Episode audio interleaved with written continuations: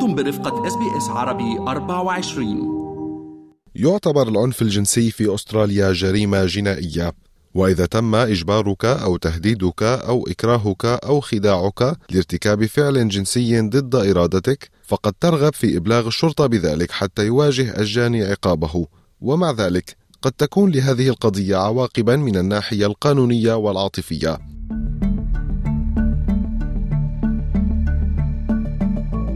حلقة جديدة من دليل الاستقرار يقدمها لكم ريان برهوم. لكن قبل أن نبدأ سنناقش في هذه الحلقة جوانب العنف الجنسي التي قد تكون مزعجة لبعض المستمعين. يتم الإبلاغ في أستراليا عن 85 اعتداء جنسيا كل يوم في المتوسط تشير الدراسات إلى أن أكثر من واحد من كل ثلاثة شبان قد تعرض لممارسة الجنس غير المرغوب فيه في حياتهم. إذا كنت ضحية ناجية من الاغتصاب أو ممارسة الجنس عنوة، فقد ترغب في إبلاغ السلطات بهذه التجربة ورؤية الجاني يواجه نظام العدالة، لكن غالبا ما يأتي هذا القرار مصحوبا باضطراب عاطفي هائل. Some reports come via the uniform members and some come directly to our office. We encounter a person who's experiencing trauma, so their level of vulnerability is extremely high. الرقيب الأول بشرطة فيكتوريا مونيك كيلي تقود فريقا متخصصا يحقق في الجرائم الجنسية المزعومة جزء من مسؤوليتها الرئيسية هو مساعدة الضحايا الناجين المعروفين باسم المشتكين حيث يقومون بصياغة أقوالهم وتقديم الأدلة We have four goals. First is to protect the victim and support them. Then we are bound to thoroughly investigate all reports that come to us. And as part of that, we gather evidence and find out if a crime has been committed. And then we identify and catch the offenders and take them before the court. كما يتم تشجيع الضحايا الناجين على اصطحاب شخص دعم موثوق به من جهتهم إلى مركز الشرطة وذلك لأن عملية جمع الأدلة وصياغة محضر الشرطة قد يؤدي إلى صدمة نفسية I remind my detectives all the time that whenever they speak to a complainant, they need to take a moment to remember that coming to the police station may be the biggest and most stressful event the complainant had post the traumatic event of the attack. So we need to give that person our time and we need to listen to them and we need to be open to what they are saying to us. إذا تقدمت الضحية إلى السلطات في غضون ساعات قليلة بعد الهجوم فسيتم تقديم المساعدة الطبية والاستشارات القانونية والعاطفية. سيطلب منهم الخضوع لفحص طبي لجمع أدلة الطب الشرعي وهذا يسمى مجموعة أدوات الاغتصاب. ولأن الغالبية الساحقة من ضحايا الاغتصاب من النساء فغالبا ما يطلبن أن تتم معاينتهن من قبل طبيبات أو ضابطات لكن هذا الخيار ليس متاحا دائما. بعد ذلك سيتعين على صاحب الشكوى تقديم بيان مفصل للشرطة. قد لا يحدث هذا في نفس اليوم. يتمتع المحامي مايكل برادلي بسنوات من الخبرة في العمل في القضايا البارزة التي تنطوي على جرائم جنسية وهو يدعو إلى إصلاح القانون لتقديم دعم أفضل لضحايا العنف الجنسي. It's a very difficult thing to make a report and an even more difficult thing to make a statement. But the system really needs the victim to get everything down on paper in one go. Otherwise, the prosecution case ultimately will be prejudiced um, if there are things added to it later or, or need to be corrected. So, so that sort of puts an immediate burden on the victim. استكشفت الصحفية الاستقصائية جيس هيل كيف يتم التعامل مع قضايا الجنس غير التوافقي في النظام القانوني كجزء من سلسلتها الوثائقية المكونة من ثلاثة أجزاء Asking for It وتقول إنه من المهم للضحايا والناجين التأكد من دقة أقوالهم وتؤكد يمكن أيضا الإبلاغ عن اعتداء مر وقت طويل على حدوثه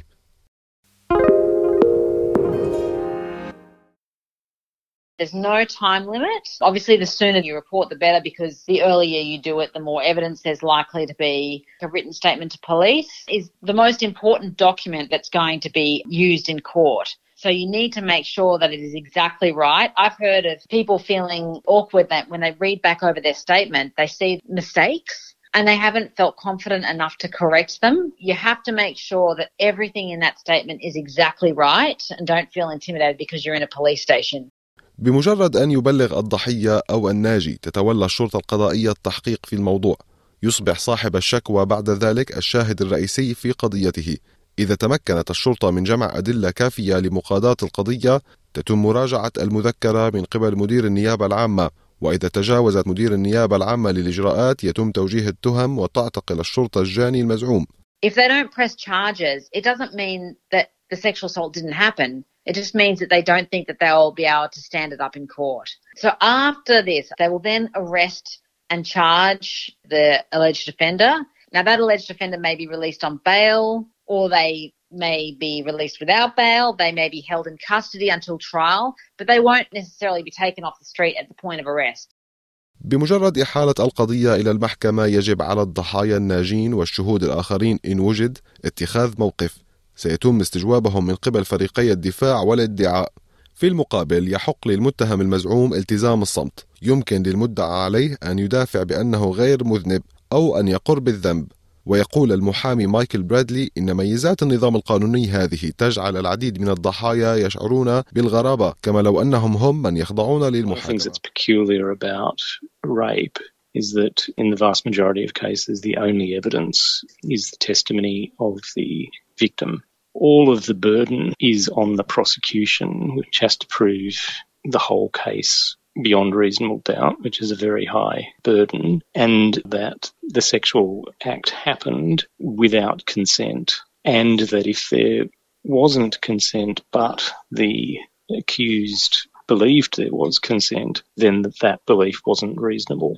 ويضيف أنه نظرا لأن معظم مرتكبي الجرائم الجنسية المزعومين يحتفظون بحقهم في الصمت ويتم إعفائهم من الإدلاء بشهادتهم فإن المحكمة تقع على أساس شهادة الضحية وهذا موضع شك هنا يصبح الأمر حول ما إذا كانت الضحية صادقة So the jury will only ever hear the complainant or the victim's story and that is the only evidence that the Crown has to prove its case. For the defence to raise reasonable doubt, the pathway to that is to raise doubt about the credibility of the victim's testimony. So they will be called a liar.